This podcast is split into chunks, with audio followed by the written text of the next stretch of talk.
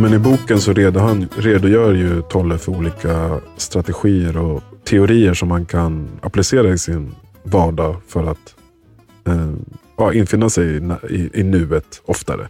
Mm. Till exempel Mm. ja, genom andningen, men också bara när du sitter och äter. Att du, att du inte sitter och scrollar i mobilen samtidigt som du äter, utan du tar in smakerna och, och försöker eh, ja, vara närvarande helt enkelt, bara du sitter och äter. Det där är någonting som, som jag brukar släpa mig själv ibland.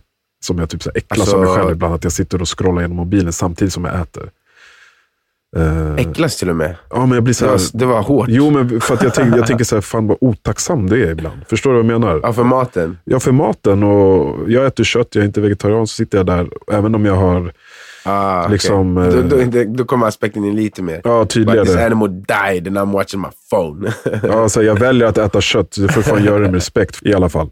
Så I boken så redogör han för olika teorier och strategier, men det som blir lite så här, äh, det är inte svårt, men det skaver ändå en aning för mig, är att han själv har ju inte nått den här typen av upp, den här upplysningen eller den förmågan att infinna, infinna sig i nuet genom de strategierna och teknikerna som han eh, redogör för. Utan för han blev det ju typ slumpmässigt nästan. Alltså inte för att ja, det... du menar att det, var, att det inte var de som tog honom dit? Precis. Jag tror att de, de, de strategierna som man tar upp tror jag verkligen funkar såklart. Men, eh, men att det är som en typ som en framgångscoach Mm. Som inte har gjort något. som inte har gjort något. Det blir den, Mm. För mig, det, det stör inte mig så lite, men det är ändå någonting som jag tänker på när jag läser det. Mm. Eh, och ja, Återigen så förminskar det inte innehållet i boken alls, men ja, ibland känns det mer tilltalande att lyssna på en person som faktiskt har gjort arbetet som, som Mm. eh, man predikar. Det, är liksom, det är intressant det också med gjort det jobbet, för det, det är alltid subjektivt. Alltså så här, I och med att sådana här ämnen, det är inte direkt att man går till Harvard och bara, ja, jag ska plugga upplysning. Nej, Alltså, typ, jag kan inte direkt the top of my head tänka på vem jag vet. Så vem är det som har gjort jobbet då? Alltså, för till exempel Borte. Tolle har ju... Buddha hade gjort det. Sid- Sid- Siddhartha och Buddha, vi vet inte om de fanns. Jag menar riktiga människor idag. Jag vet inte om det. Nej, det, är- det är ja, Thich Nhat Hanh, det är en eh, vietnamesisk munk. mm. Han är ju upplyst. Det finns en massa... Ja, ja, ja. Alltså, sen Ja. finns det... Fan vet jag, jag vet inte vad de heter. Men, Men jag menar det, för till men exempel, för de, de, som- när de öppnar sin mun, eller när de pratar om det här, så, så är det ju inte att det har skett över en natt i deras djupaste Mm. lidande i livet. Utan de har, Mm. kanske många av dem har fötts i ett buddhistiskt tempel och sen har de praktiserat det här som de var små och så har de på så sätt eh, varit typ talangfulla inom den aspekten och sen blivit upplysta. men det är intressant för att det, det belyser lite det här med tid. Mm. Alltså, vem det är det som är säger så. att tiden är det som ska göra att personen har kommit någonstans? Alltså, Men det är, väl Eh, det, de, det är väl det som är upplysande, upplysningen i sig. Men vi är ju längre, eller vi kanske inte är längre bort från upplysningen än någon annan. Han gör ju den i boken den avvägningen att, att kvinnor är närmare upplysningen än män. det. För att de är mer drivna i vad kan, the pain body. Alltså de är mer i sina känslor, i sin kropp och, och, och i eh, sinnesintrycken. Liksom, Medan vi män är mer logiska och i våra huvuden och våra tankar generellt. Mm. Eh, Mm. Så att han, att kroppen är en väg till Precis. nuet. Så en, Mm. enligt, enligt han så, lig- så är kvinnor, kvinnor närmare eh, upplysning än män generellt. Och, och, Mm. och, och därför gestaltas också kvinnor ofta i de österländska filosofierna. Eller gudalika personer ges- ges- gestaltas som kvinnor i de eh, österländska filosofierna ofta. Just av den Mm, mm, anledningen. Men, men Ja, men, eh, jag tycker det, det är väl lite det som man brukar, när folk, jag vet inte, halvt raljerande, men så här, om alla världens ledare var kvinnor så skulle vi inte ha de här problemen. Det är väl lite det, den känslan som folk går på när de säger sånt. Mm. Alltså att det är för att de är mer fokuserade på såna här värderingar än vad män i alla fall i dagens samhälle verkar vara. Eller ja, i, i allmän mänsklighetens historia har varit.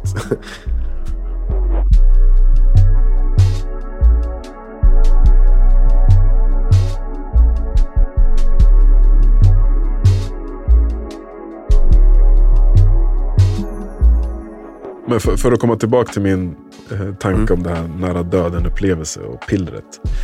Mm. För jag tänker att ja, man kan lära sig att vara mer närvarande genom att liksom, applicera de här teknikerna i sin livsstil. Men eh, som det också stod i Siddhartha som vi pratade om i förra avsnittet, eller i första avsnittet, så, är det, så är det mer en tillfällig bedövning liksom, snarare än det här totala skiftet. Jag tänkte också på det när du sa det. Alltså att eh, även Siddhartha fick det ögonblickligen och inte via hans liksom, lärdomar. Och att han typ nästan hånade att hålla på så. Alltså, så här, eller han såg liksom lite, inte ner på det, men han tyckte att det var så här, det var hans eh, lite, lite dumma tidigare livsstil som bara, "Hy, jag skulle aldrig nått någonstans med det där. Typ så kändes det som. Exakt, för att om man vill nå upplysning på riktigt så känns det som att det krävs att man antingen bryter sig loss totalt från samhället och alla liksom, dess influenser. Eller så är man med om någon typ av liksom, trauma eller ett extremt event. Det känns som att människan idag befinner sig i ett helt nytt tillstånd. Vi, vi är väl typ redan cyborgs på något sätt. Alltså, menar, Ja, glömmer man mobilen hemma känns det som att man har glömt liksom, högra foten. Och, och Tolle fick ju den här insikten att han hade levt som två personer. Alltså en person som var djupt deprimerad och en annan som inte klarade av att leva med den personen som var djupt deprimerad. Eh, Det stämmer ju, det är ju inte så. Vi är ju bara en person, vad vi vet. Och, och, Men de flesta av oss lever ändå på det sättet. Just med den här illusionen av egot och allt som jag pratade om. Alltså att det finns typ en del av oss som värderar den andra delen av oss. Precis, för att i nuet Alltså typ finns såhär, inte varför det. gjorde jag så? Det där är så Ja, dumt. Man bara, exakt. Och då är vi ju inte närvarande. din, mm, exakt. Mm. Eh, och idag så tror jag att det finns en till person eller identitet. Utan, alltså Vi är inte bara Ja. två, vi är tre. Och den delen av oss lever i det digitala. Så förstår du hur jag tänker? För att Ja. Gå, gå, gå ut på din gata där och gå fram till en 14-åring, 14-åring och säga att deras identitet på sociala medier är helt oviktig. Att det är liksom oväsentligt vad som presenterar, presenteras där och så vidare. Och att de ska liksom ta distans från den identiteten av dem själva. De kommer inte fatta vad du menar, tänker jag. Mm, alltså, nej, vi, nej. vi, själv, vi själva är ju eh, påverkade av det. Eh, och, vår, ja. vår digitala profil. Men de är ju, det har alltid varit en del av deras värld. ja, exakt. Eh, och den här tillfälliga bedövningen då är nog inte den är inte helt fel. Alltså, den är jättebra. Det är det jag själv ägnar mig åt till stor del. Eh, men jag, jag, jag kan inte från, frångå att romantisera den här tanken av att om jag pra- pra- praktiserar de här teknikerna liksom, tillräckligt väl och länge och mycket eh, och ändå lever kvar i det vanliga samhället så kommer jag kanske någon dag bli upplyst. Eh, och att man aldrig, alltså när du väl har blivit upplyst, att du inte faller tillbaka till det här kompulsiva tänkandet. Jag känner nästan, alltså... Jag har svårt att tro på någon historia om fullt upplysta... Alltså så här, det är därför när du, när du sa Buddha, när du sa Siddhartha, eh, även när man liksom pratar om, i den här boken pratar man om Jesus, alltså så här, jag, eller hans, det här uppvaknandet. Alltså, när jag ser honom prata så så känner inte jag någon divine being som sitter, alltså, såhär, flowing through him. Liksom. Så det, jag, jag, jag har svårt att se, alltså, jag tror att de är typ lika mycket såhär, mentala bilder och ikoner som eh, i alla andra religioner. Alltså att det, den bilden, det är som i kristendomen, att man ska göra, sträva efter att leva som Jesus. Och att det finns den här bilden av den totalt upplysta människan, den är också bara som en, ett mål. Som Det ultimata det idealet typ som vi har pratat att om. komma till. Exakt, men att det är det du ändå alltid ska sträva mot. Och det gör ju den... Mm. Det är det jag menar, att jag romantiserar den tanken. När jag praktiserar, för att det behövs för att jag ens ska praktisera. Och sen om jag, Ja, alltså min tanke av att, för jag tänker så här, om du är, jag vet inte, det är skitsvårt, men om det är helt, alltså om det är upplyst och, och vad definitionen av det, kan du fungera i vårt samhälle då? Det är det jag har svårt att tro. Kan du liksom samspela med människor som inte är det? Ett, Han pratar ju om det här uh, oscillating, Mm. jag vet inte vad det är på svenska, men så här, pendla mm, mellan att vara i tid och att vara i, i nuet. ja, det känns ju som att om du nu går och blir så pass upplyst som de pratar om, så är det väl någonstans där man skulle behöva vara för att kunna leva i, i världen samtidigt. Alltså att man hela tiden är medveten och säger, okej okay, nu spelar jag, nu slutar jag spela. Nu spelar jag, nu slutar jag spela. Och, och det är alltid ett medvetet val. Mm. Liksom. För att jag, Det känner, typ måste se ut så. för jag, alltså, jag vet inte om det är så, jag har ingen referens till upplysning, men det känns ju ändå i, i vissa stunder som det här varsevarandet. Det känns som ett Mm, tillstånd av, upplysning, av, av att vara upplyst. Men det är ju inte varaktigt. Och, och, och sånt kan jag uppleva starkare och oftare när jag har en, en eh, liksom bra meditationsperiod eller där jag förhåller Mm. mig till de rutinerna som, som, som, Mm. äh, som får mig att hamna där. Men så fort jag slutar med det så, så, så dras jag tillbaka. Då börjar liksom ego ta form igen, osäkerheten börjar växa och man återuppbygger liksom sin persona. Eh, så Men det är väl därför som det här med rutinerna är så viktigt. ja, Alltså att så här, det går inte. Lite som, eh, alltså egentligen med allt i livet. Alltså så här, det finns ingen måltid du kommer äta som kommer vara så mättande att du aldrig behöver äta igen. nej, Det, exakt. det, det finns ingen gång du kommer smash och bara oh det var så nice, jag kan aldrig ha sex igen. Nej, men det är det jag menar. Alltså, så alla vad, saker. det är det jag menar. Det kanske, som, du säger, som du också säger, att upplysningen... För det är, det, det, det är min uppfattning av att vara upplyst, att du aldrig mer kommer falla tillbaka eller behöva utöva Mm. någonting för att det ska eh, eh, för att det ska vara varaktigt. Mm. Alltså, mm, det, låter så, det låter som en uh, fantasy-novell för mig. Alltså, så här, för att om det är möjligt, då finns... Alltså, jag tror inte att det finns... Till, alltså, till exempel så tror jag att friktion mellan människor som, som nu, till exempel, alla pratar ju om hur mycket folk är polariserade och allt sånt där. Mm. Dels så tror jag att den alltid har funnits den här polariseringen. Vi har bara inte behövt höra varenda annan åsikt. Och sen så tror jag också att det är så det ska vara. Mm, mm. Alltså om vi kommer till en plats där allting, där alla håller med varandra, då kommer vi ju aldrig mer utvecklas.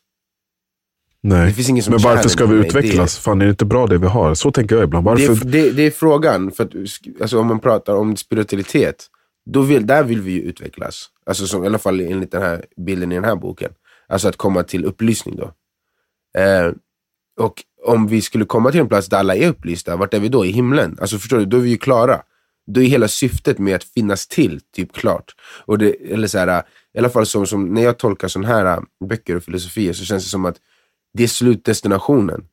Efter det, då är det som om universum kommer bara bli ett varmt ljus och alla är i det ljuset och vi gör ingenting längre utan vi bara alla känner av det där varma ljuset och, som änglar typ. Ja, men Alltså, det, det blir som på något sätt att under sin, alltså som de säger, under sin livstid så ska man göra saker som, som, som efterliknar döden. För att en uppfattning om döden är ju him, himmelen. Alltså att allt blir bra och du, du frigörs från de här tankarna och du bara är i ett varande där du inte ens kan avgöra om, du har ingen identitet, någonting att bolla dina tankar mot. Och du är totalt stillhet. Alltså, förstår du vad jag menar? Eh, Frågan är varför finns ens egot och allt det där då? exakt, vad är det för test? The ego is very good at misinterpreting reality and it believes its stories.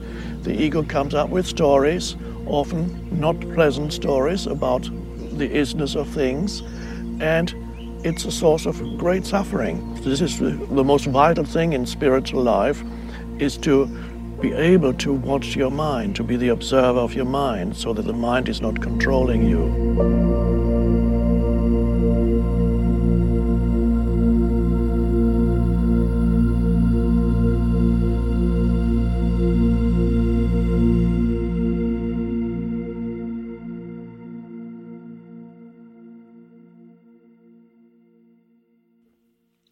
Jag, alltså jag skulle ändå vilja följa upp förra veckans samtal när vi pratade om liksom barns förmåga att vara just närvarande. Och att de kräver närvarande personer i sin omgivning för sitt välbefinnande. Mm. För så liksom i, i processen att, att bli vuxen glömmer vi ju bort det helt. för att sedan liksom någon gång senare i livet stanna upp och, och, och fråga sig själv så här, eh, eh, vilken typ av upplysning är viktig egentligen? För jag tänker att det finns Mm. två tydliga typer av upplysningar. Eh, Mm. En som är som Tolles, eller Buddhas, eller Jesus. Mm. Och en som en annan som vi också kom in på tidigare idag, liksom den intellektuella eller den materiella upplysningen. För att i, många, i mångas ögon så är ju en framgångsrik miljardär också upplyst på något sätt. Alltså i den mån att han Mm, kan Mm. navigera genom livet och göra hur han eller hon vill. Eh, Mm. Och konstant liksom se till att njutbara saker händer hela tiden. För att du har Mm. så mycket pengar och makt. Eh, så, men det, ja, det, den, jag tror att ändå många skulle välja den typen av upplysning före den andra. Eh, om man kan kalla Alltså, det upplysning. liksom. jag tror att om de förstod vad de innebär så skulle de inte. Men att de Nej, en precis, det är det jag menar. Den ena är mer njutbar än den andra. Precis, och det är där jag kommer Mm. tillbaka till min fråga. Vad skulle hänt? Vilken typ av, eller, vilken typ av upplysning hade man valt om, om, om man skulle kunna ta det här pillret? Liksom det här nära döden-pillret. Hur Mm. hade man värderat eh, vad man vill av livet eller vad som är viktigt i livet? Hade du fortfarande, kanske vissa, kanske många, så men jag tror många också hade fått den här insikten av, att, av vad livet faktiskt är. Och jag, ska, jag vill, Mm. Men jag träffade en person för många år sedan när jag jobbade på Café Opera. Eh, som jag fick uppfattning om att han var på något sätt upplyst ändå. Och, och det, är- det är intressant för att i den miljön, alltså i en nattklubb, så tänker man ju att alla som är där är liksom i piken av sitt kompulsiva tänkande. Mm. Och att, att, att det finns inte någon som helst ansträngning eh, av folket som är där att döda sitt ego, utan tvärtom att man Mm. njuter av att låta egot komma fram och så kan det matas. Liksom. Det är typ det Även hela om de dock affärsmodellen är väldigt i tiden. Ja, ja, absolut. Men det är väl mycket på grund av alkohol och så. Ja, absolut. Eh, men i alla fall, jag jobbade där på Café Opera ganska mycket under en period. Som jag jobbade som en trevärd. Mm. Och jag minns att det var sommar och vi hade ett dagsevent som vi hade varje fredag. eh, som hette Soul Train. Vilket var en- ja, en after work för, typ, för den äldre målgruppen, typ så här 40-plussare. Mm.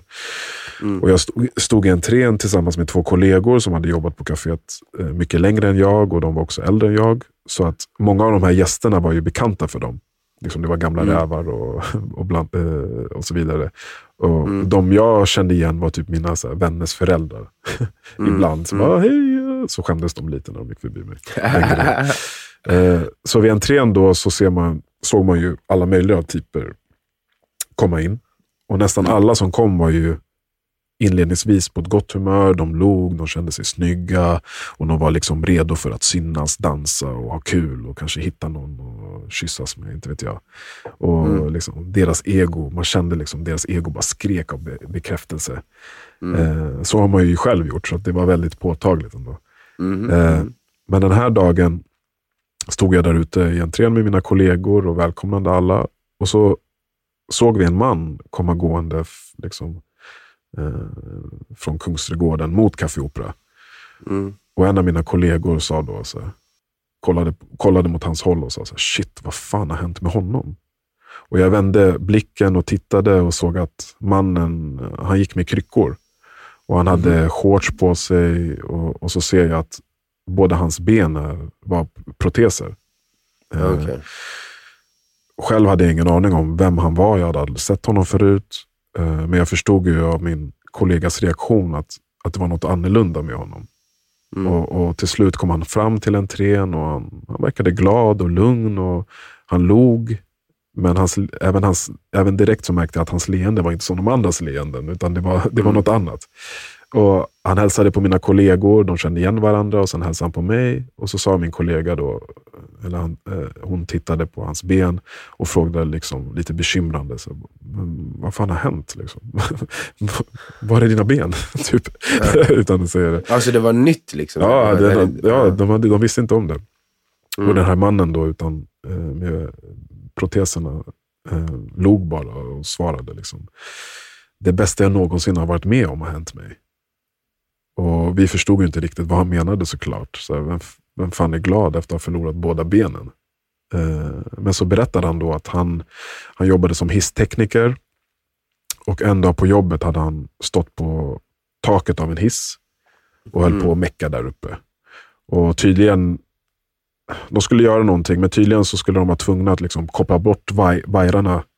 Heter det vajrarna? Vajrarna som, Vajrar, ja. vajrar, vajrar, som håller upp hissen. Ja, som håller upp hissen för att kunna byta ut dem eller någonting. Och han berättade då att det skedde något missförstånd mellan, han, mellan honom och hans kollega. Så när han, när han lossade de här vajrarna så hade de glömt att säkra hissen. Så han lossade på dem och hissen bara föll. Liksom Mm. rakt ner och han stod på taket. Och Jag minns inte hur många våningar det var, men det var jävligt högt i alla fall. Och hissen Mm. fick upp liksom en otrolig fart och föll fritt mot marken. Och när den till slut slog ner då, så stod han ju fortfarande på taket och, han, och hans ben liksom krossades av nedslaget. Alltså det blev sånt, Mm. liksom, sån impact att han bara... Alltså de mosades. Jag har tänkt på det där så många gånger. Jag Bara, kan, kan man inte hoppa när det är Ja, en meter nej, kvar? nej, hoppa upp. Nej bror, det går inte. Nej, förlåt. Men han hamnade i, han hamnade i koma och, och var nära på att dö helt enkelt. Mm. Och han fick amputera båda benen och han låg på sjukhus en väldigt lång tid. En Mm, fett hemsk det- olycka, men, men det intressanta var att han var så otroligt tacksam för att det hade hänt. Mm. Och det liksom sken från honom när han berättade det här. Mm. Han fortsatte med att förklara hur den här händelsen liksom hade förändrat hans liv och hur han såg på livet efter det. Mm. Eh, han då, liksom, likt Eckard eh, Tolle, hade blivit upplyst på något sätt. För att Mhm. han kunde uppleva varenda stund med otrolig tacksamhet. Mm. Eh, och det här kompulsiva tänkandet liksom hade, hade försvunnit i samband med den här eh, olyckan. Mm. Mm. Att han berättade att han, liksom, allt som han har tagit för givet innan blev som en väldigt tydlig blessing istället. Liksom hans Mm. barn, familj, bara att han hade ett jobb och allting. allting. Mm. Och, och Det verkade väldigt genuint. Liksom, som jag sa, det sken om honom. Det, det, det Mm. var något som, som var väldigt, så här, väldigt påtagligt i hans Mm. inställning till livet. Det märktes, märktes verkligen. Och, han, och sen när han hade berättat det här, vi stod och chitchattade lite och vi var ju så här, wow, vilken grej. Liksom. Så skuttade han in på Café Opera och hälsade på gamla vänner och njöt av musiken, precis som alla andra. Mm. Men eh, och man har ju hört liksom, liknande historier. Eh, att efter en nära döden upplevelse så kan det ske något sorts uppvaknande. Som leder, Mm. till att man, som leder till något mer än bara den här tillfälliga bedövningen av livets lidande. Mm. Eh, en nära döden upplevelse kanske gör på något sätt att man på riktigt förstår, känner och ser hur livet och döden är oskiljbara. På samma Mm. sätt som lycka och lidande är det. På samma sätt som ljus och mörker är det. På samma sätt som yin och yang är det. Mm. Att vi, att vi kan liksom inte uppleva det ena utan det andra. Och att, Mm. att acceptera just det är vägen till det här fridfulla sinnestillståndet. Det är också Mm. vägen till nuet och, och, och frigörelse för, från det här kompulsiva tänkandet. Mm. Eh, I våra egna tankar sker det konstant liksom, de här olika binära avvägningarna. Vilket gör att om saker och ting inte är som vi har tänkt oss så mår vi dåligt. Och tvärtom, om det är Mm. som vi har tänkt Mm. oss så mår vi bra. Mm. Men att livet kan inte existe- existera utan döden. Mm. Utan, och det bra kan inte ex- existera utan det dåliga. Och att man istället ska acceptera nuet som det är. Mm. Och alla våra, som vi sa innan, alla våra tankar sker ju på något sätt i, i referens till tiden. Mm. Såklart. Mm. Eh, och, Antingen och, till det förflutna eller framtiden. precis, du grubblar över ditt förflutna och du oroar dig för framtiden. Mm. Men det förflutna och framtiden finns ju inte på riktigt som, vi, som, som han säger i boken och som vi också Mm. pratade om idag. Alltså det, det är bara en illusion. Och att Mm. all sanning finns i nuet och i nuet finns det inget som är fel eller rätt. Det bara är. Det Mm. bara är som det är. Mm. Det finns ingen Mm. man kan säga, det finns ingen tid till att avväga om det är bra eller dåligt. Och ta bort tiden. Då finns det ingen avvägning alls. Så jag har en fråga till dig Marvin. Okej. Jag har två piller i min ficka. Två nära döden upplevelsepiller. Har du det på riktigt eller? Jag har det. Jag har det. Okej. Okej. Ja. Är du redo att ta ett piller med mig?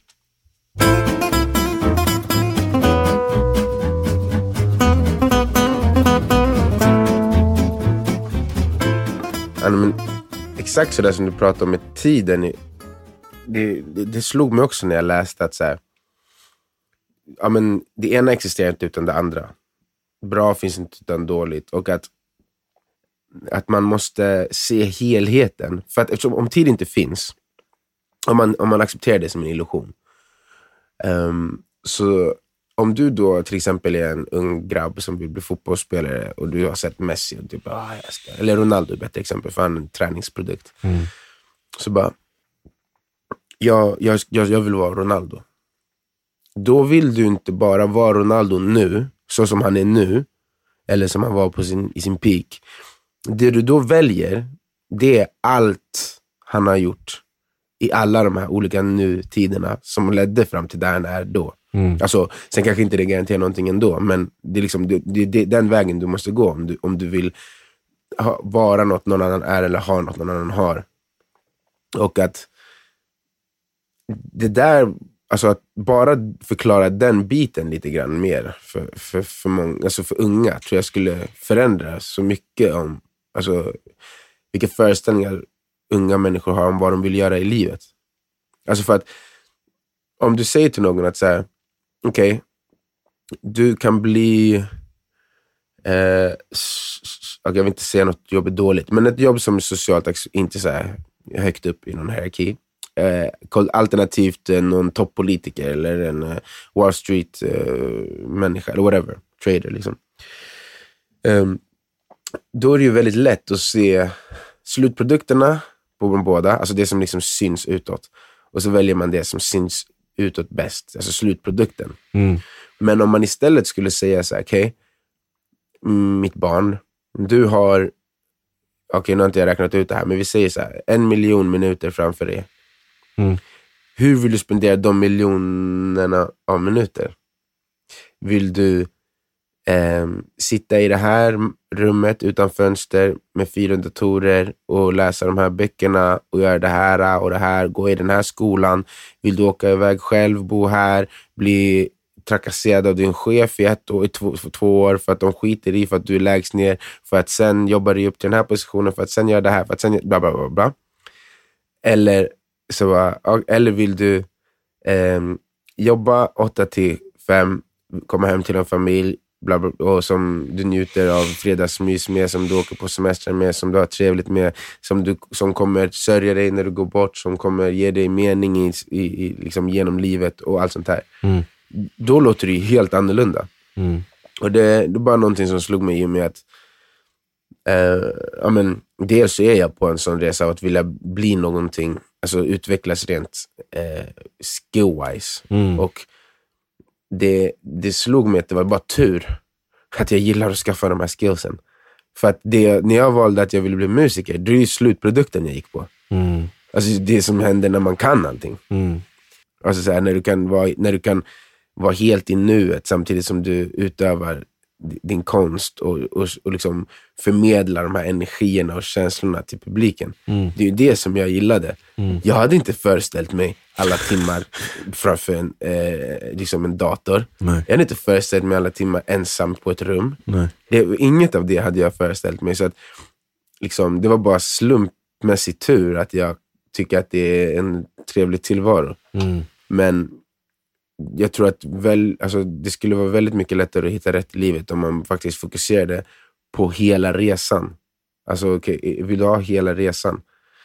Um, jag tror då, då tror jag att många skulle bara kanske döda vissa ambitioner som egentligen inte är riktiga. Alltså, här, jag, för jag känner många som har liksom, så här, ja, de säger att de vill göra så mycket med sitt liv, men de hatar sakerna som de måste göra för att komma dit.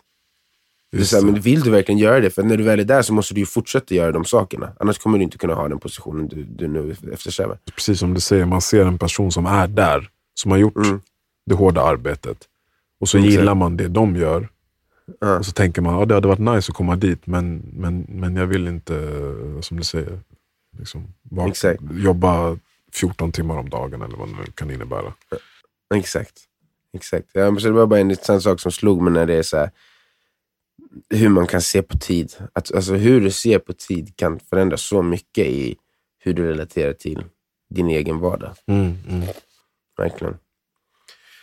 Ja, men det känns för som att eh, tiden har tickat på lite väl mycket. Och det Vilken tid, att bre. Vi kan prata i fyra timmar till. finns inga timmar, finns ingen tid. Jag menar klocktiden. Ja, exakt. Klocktiden som vi mäter. Ja. Men Den, eh, soltiden den- också det- kommer gå ner snart. Jag vill catcha lite av den här. Det är exakt, Underbara exakt den tiden också. Ja. Och den psykologiska tiden har eh, byggts på på våra lyssnare nu. De, de, de har tänkt ett par gånger, när tar det här slut? Shut the de fuck up! Ja. Till er har jag bara en sak att säga. va? Tänk inte framåt. Det här tar aldrig slut. Lev in i den här stunden. Ja. Du ska lyssna på den här podden för alltid. Okej min broder. Tack för idag. Tack, detsamma. Tack detsamma. Bless. Ha en bra, trevlig helg. Samma, samma. Ciao. Ciao.